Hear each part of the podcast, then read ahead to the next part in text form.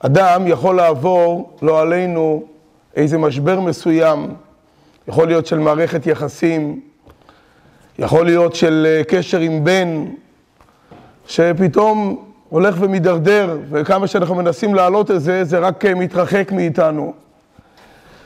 יכול להיות בעבודה, אנחנו מחפשים, שואפים להגיע לאיזשהו משהו אחרי שנים של ותק, של ניסיון, של צבירת חוכמה, ידע, ופתאום, לא רק שאנחנו לא מקבלים את מה שאנחנו רוצים, גם המקום שלנו, המעמד שלנו עצמו גם מתחיל להתערער.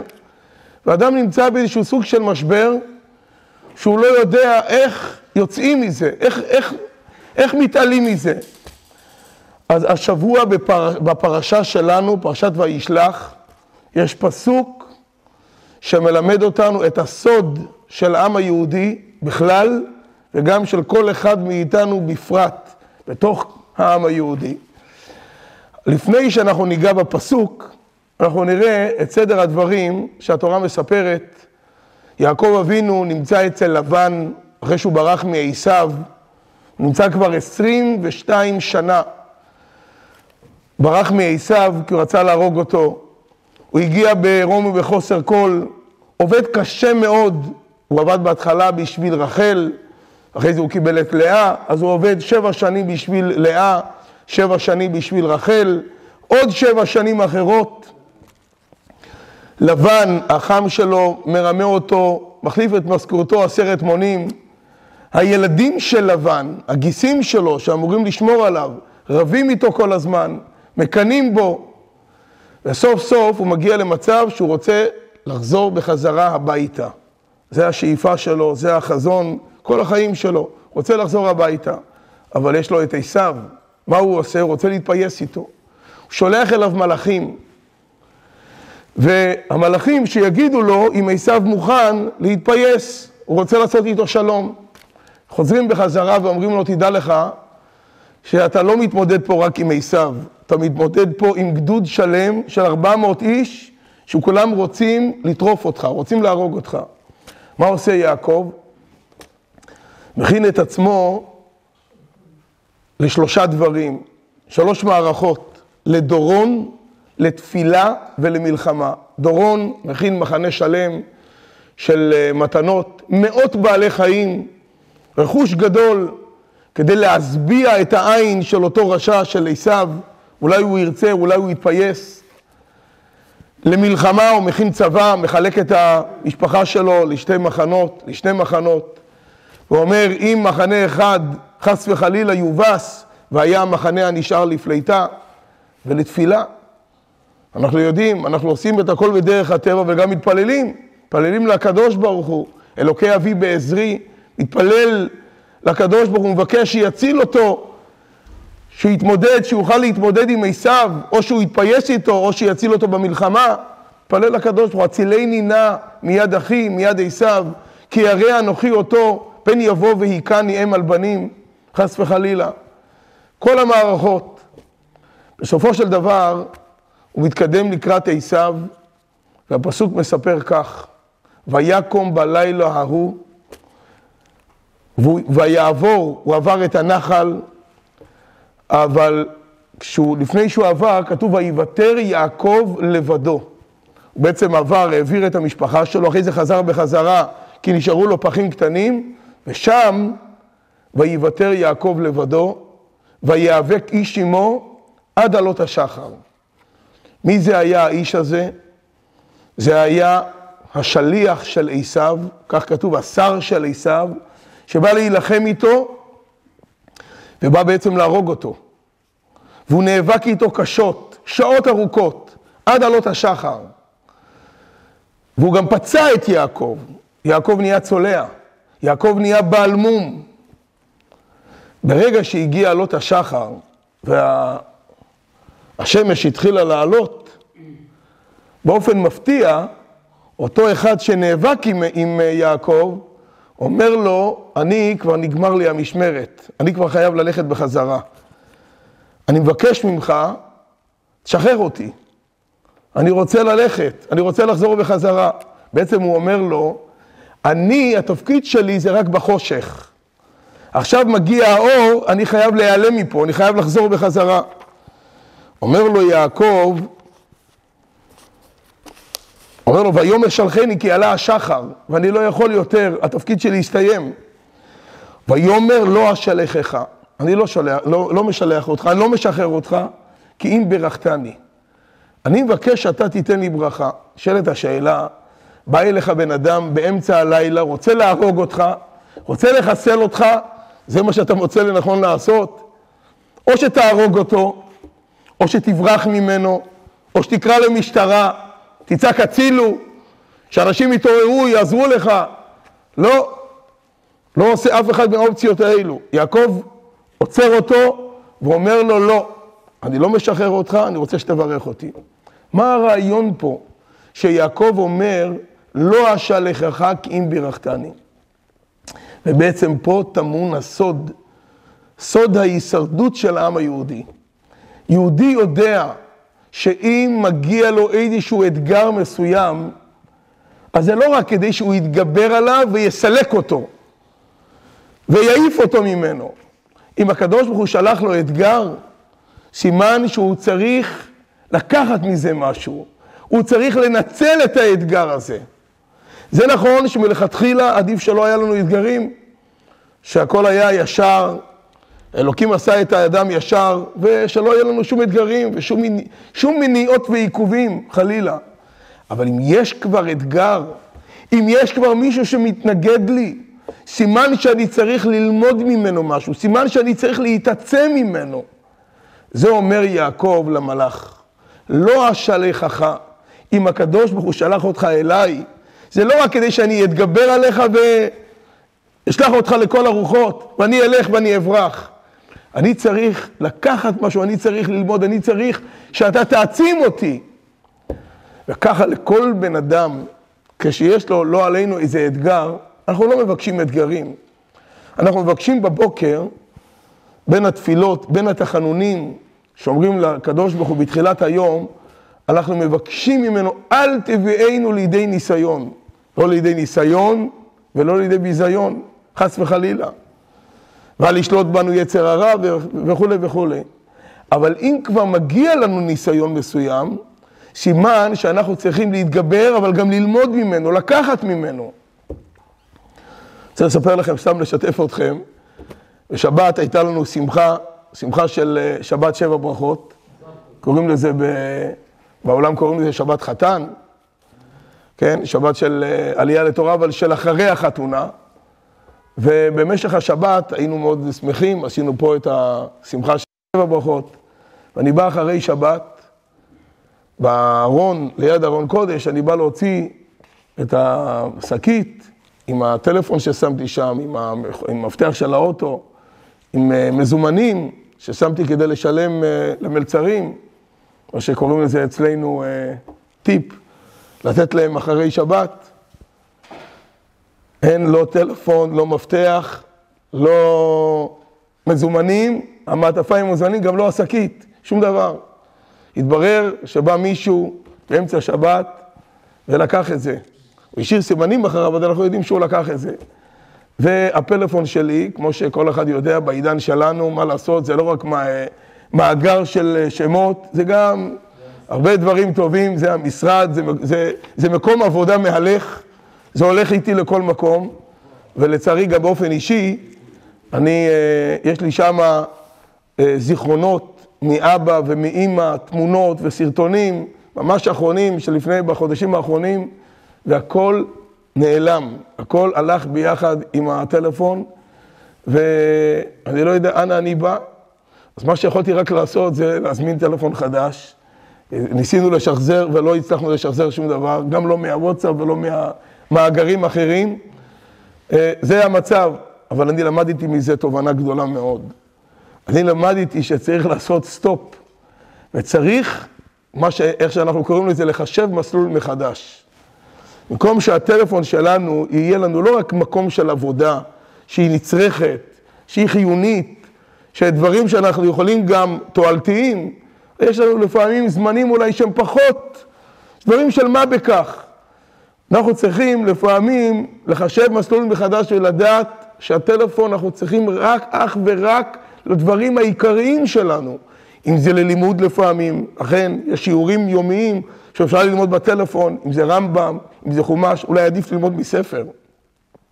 אבל אם כבר בין לבין שנמצאים בהמתנה בסופר והם מצליחים ללמוד עוד כמה הלכות, זה דבר טוב. או לשלוח הודעות חשובות, זה דבר טוב. אבל מעבר לזה, ולשקוע בתוך חדשות ו... ולהיכנס לדברים שזה מעגלים של מעגלים, שאתה פתאום נכנס ואתה לא יודע, אתה יודע איך אתה מתחיל ואתה לא יודע איך אתה מסיים, זה דבר אה, לא טוב. זה הדבר השלילי של הטלפון. וזה נתן לי תובנה שביקשתי מהקדוש ברוך הוא, שאם אני אמצא את הטלפון, וגם אם אני לא אמצא ואני קונה טלפון חדש, אני חייב לעשות לעצמי גדרים. וזו תובנה שלמדתי, וזה רואים את זה בדיוק מהעניין הזה של פרשת השבוע.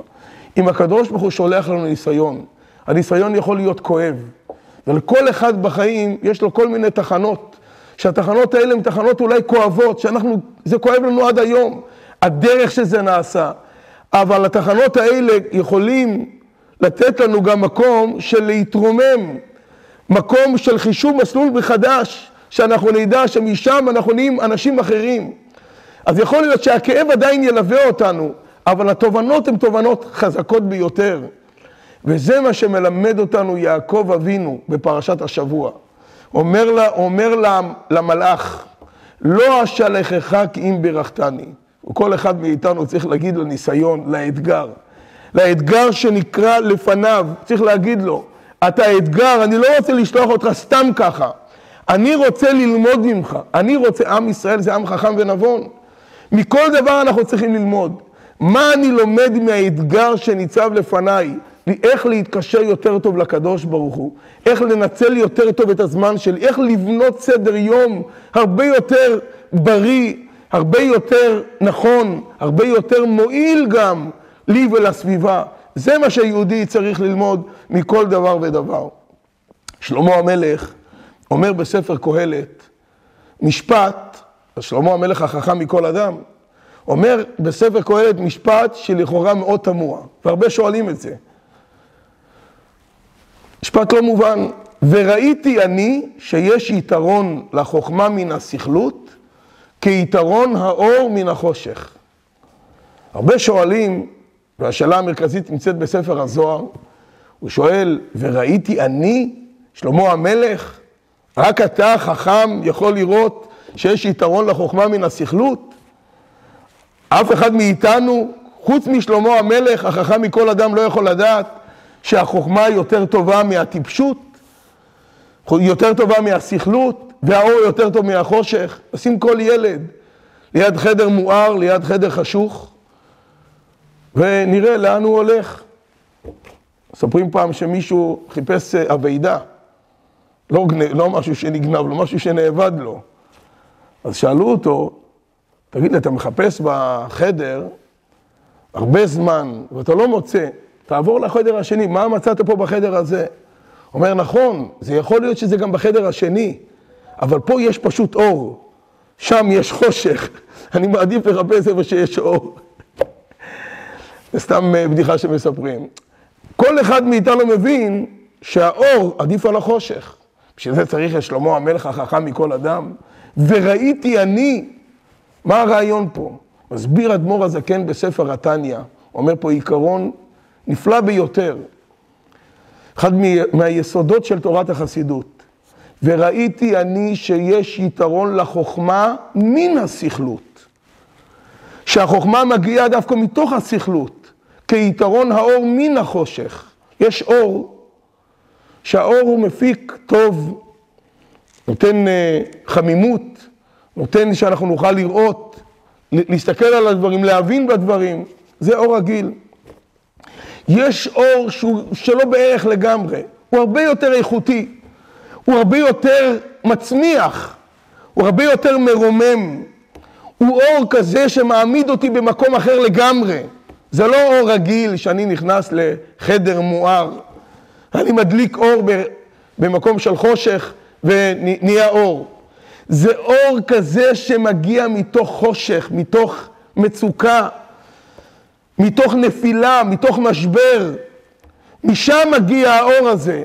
זה אור שהוא מצמיח, זה אור שמביא את הבן אדם לאופקים אחרים לגמרי, כי הוא לומד, הוא מבין, הוא משכיל, הוא לומד מהנפילות, הוא לומד איך הוא, איך הוא צומח, איך הוא לא ייפול שוב פעם, הוא לומד תובנות חדשות בחיים שלו.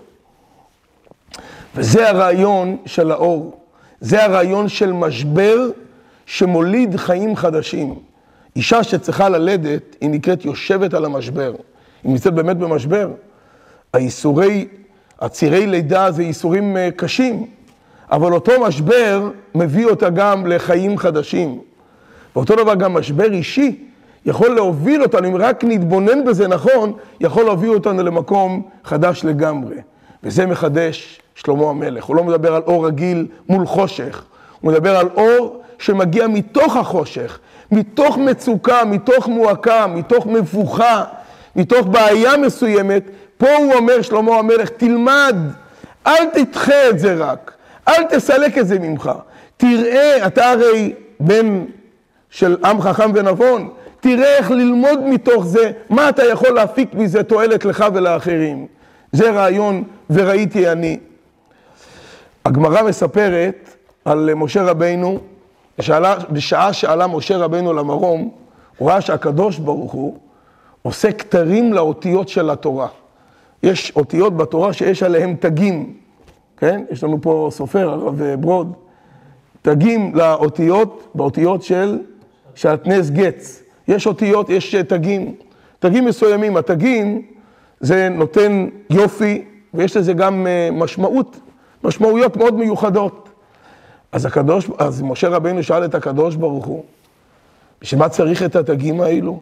האותיות הן אה, בסדר גמור. אותיות שהן לא חסרות ולא יתרות, זה בסדר, בשביל מה צריך את התגים? שואל אותו ככה בלשון, בסגנון כזה, שואל אותו, ומי מעכב על ידך? מה פתאום אתה, בספר תורה שאין בו תגים, מה נורא? אומר לו, תדע לך, שבעוד כמה דורות עתיד לבוא מישהו שהשם שלו זה עקיבא בן יוסף, והוא עשוי לדרוש תילי תילים של הלכות מכל תג ותג שאני כותב פה על, על, על האות. זאת אומרת, הקוצים, זה, התגים זה כמו קוץ שיש על האותיות.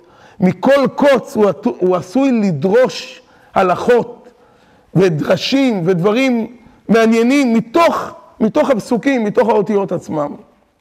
עקיבא בן יוסף, עקיבא, רבי עקיבא, עבר הרבה צרות. סרקו את, את בשרו במסרקות של ברזל. זה היה רבי עקיבא, שמסר את נפשו ממש ועלתה נפשו בטהרה כשהוא אמר שמע ישראל. והוא היה דורש תלי תילים של הלכות, הרבה מאוד הלכות. על, על אותם אה, תגים. אז שמעתי פירוש מאוד יפה, אומרים שרבי עקיבא שהיה מלומד בייסורים, אמר על כל קוץ וקוץ, קוץ, יש לזה משמעות של קוץ מעל האות, יש לזה משמעות גם של כאב, של קוץ, שנכנס קוץ לבן אדם, לא עלינו.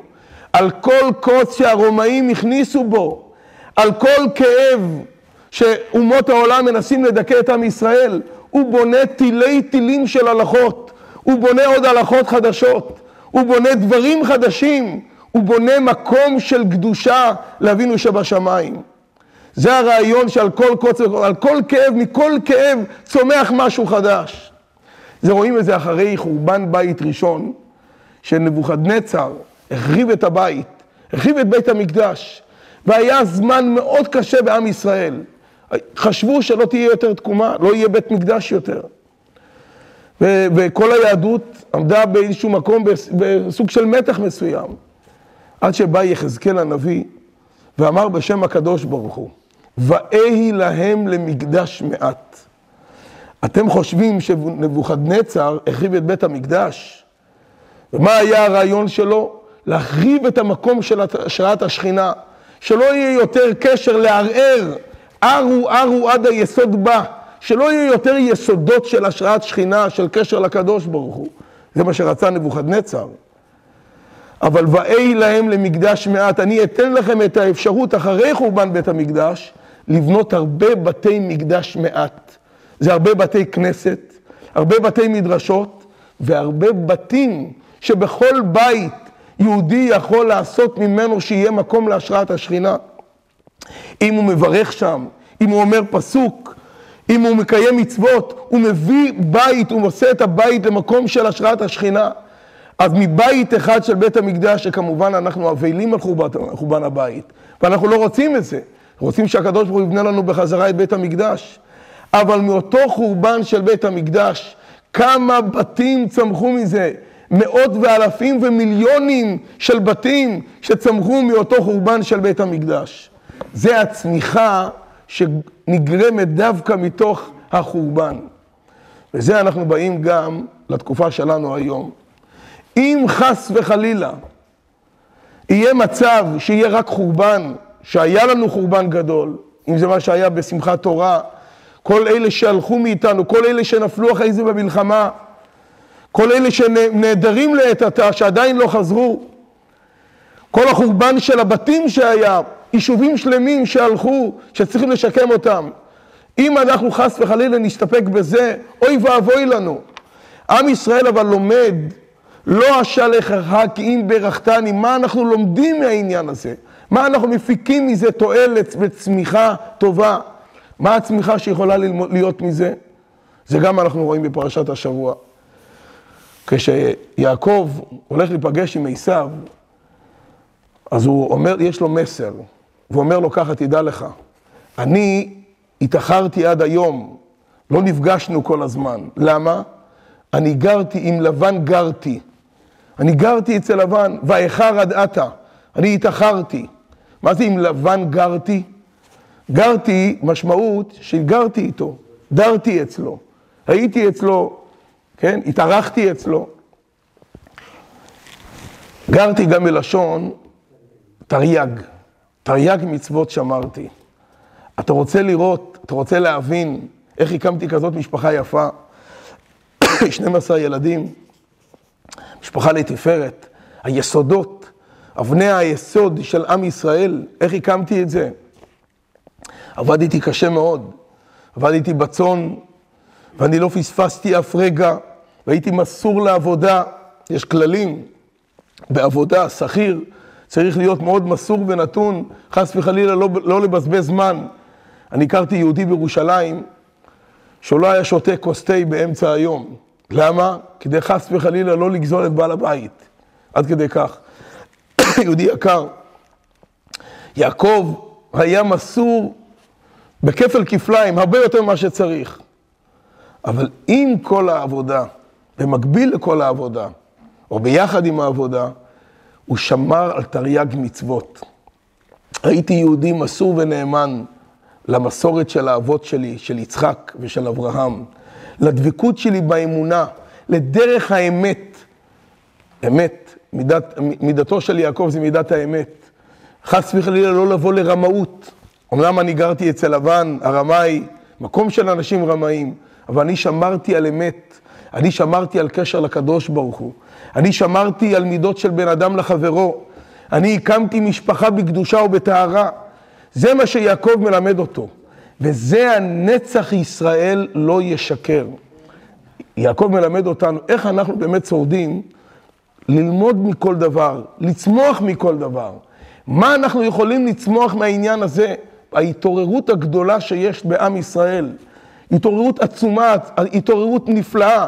ההתעוררות הזאת צריכה להביא אותנו פשוט לשמור כל אחד ואחד, גם בעצמו וגם בסביבה שלו, כמה שיותר על מסורת ישראל.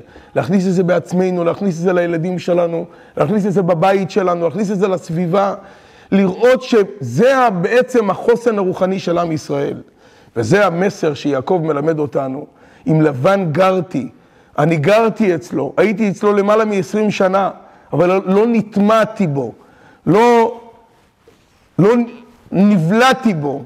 אני ידעתי לשמור על רוח ישראל סבא. ולמדתי דווקא ממנו, וזה חיזק אותי גם. איך אומרים, הצד המנגד לפעמים הוא מחשל, הוא לא רק לא מפיל, הוא גם לפעמים מחשל. אז צריך ללמוד מהצד המנגד, לראות איך אפשר דווקא להתרומם ממנו. וזה אנחנו לומדים בפרשת וישלח. הסוד ההישרדות של עם ישראל, לקחת את המנגד וללמוד ממנו, להתעצם ממנו, להתרומם ממנו, בוודאי כמו שאמרנו כעם, גם כיחידים וגם כעם, להתחזק במסורת שלנו, פשוט בקיום מצוות. יש אה, סיפור שנסיים עם זה, הגמרא מספרת על אלישע בעל כנפיים, אחד מגדולי התנאים, שהיה בזמן של הרומאים. בזמן של הרומאים הם גזרו גזרות לא לקיים מצוות. והם רדפו וניסו לחפש, ואמרו, כל מי שאנחנו נראה אותו עם תפילין הולך ברחוב, תפילין של ראש, תפילין של יד אפשר עוד אה, לכסות, תפילין של ראש, על כל פנים, שנמצא על הראש, לא עלינו, אנחנו ננקר לו את המוח, שלא נדע. ואלישע היה יהודי שהקפיד ללכת עם תפילין כל היום. אז בבית המדרש, זה בבית המדרש, אבל כשהוא יצא ממקום למקום, מה לעשות? והוא הלך, הוא יצא החוצה. יוצא החוצה והוא פוגש קסדור. קסדור זה אחד מהחיילים, המפקדים של הרומאים. אז הוא התחיל לברוח. הוא עשה בדרך הטבע. בדרך הטבע צריך, איך אומרים, צריך להתגונן, אז הוא ברח. הוא ברח, הרומאי ראה שהוא בורח, אז הוא הבין שיש פה משהו. אז הוא רץ אחריו. הוא רץ אחריו, היה קל רגליים יותר מאשר רבי אלישע, תפס אותו. אז מה עשה רבי אלישע? לקח את התפילין, הוריד מהראש ושם ב- ב- בידיים שלו. שואל אותו מיד, מה יש לך ביד? אומר לו, כנפי יונה. פתח את ה... אומר לו, תפתח את הידיים. פותח את הידיים, כנפי יונה. שחרר אותו. שואלת השאלה, בשביל מה היה צריך להגיד לו כנפי יונה? מה פתאום דווקא כנפי יונה? למה לא עוף אחר?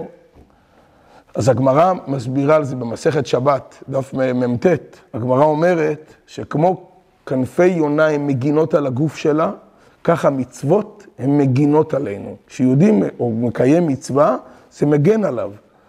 עם ישראל, כשמקיים מצוות, כל אחד להתחזק בעוד מצווה שהוא יכול להוסיף, או מצוות שאנחנו עושים, להוסיף בכוונה שלהם, או להוסיף בהידור שלהם. כן, דיברנו על תפילין, שיהיה תפילין מהודרות, תפילין שאנחנו בודקים אותם מדי פעם, לראות שהן כשרות, וכמו כדת וכדין, זה מגן עלינו. קוריוז אחרון, שהייתה פעם אישה מאיזשהו קיבוץ בארץ, שאבא שלה לא עלינו קיבל שיתוק. והיא שמעה על הרבי מלובביץ', שהוא יכול לברך הוא יכול לעזור ולהתפלל על אבא שלה. אז היא ביקשה, אם אפשר, ל... את הטלפון של המזכירות, היא צלצלה למזכירות של הרבה לפני הרבה שנים, והמזכיר של, של הרבה ענה לה שהרבה יתפלל עליו, אבל הרבה גם ביקש שהיא תדליק נרות שבת. שהיא תדליק נרות שבת. אחרי uh, שבוע, מתקשרת שוב פעם, והפעם בטונים קצת יותר אה, גבוהים.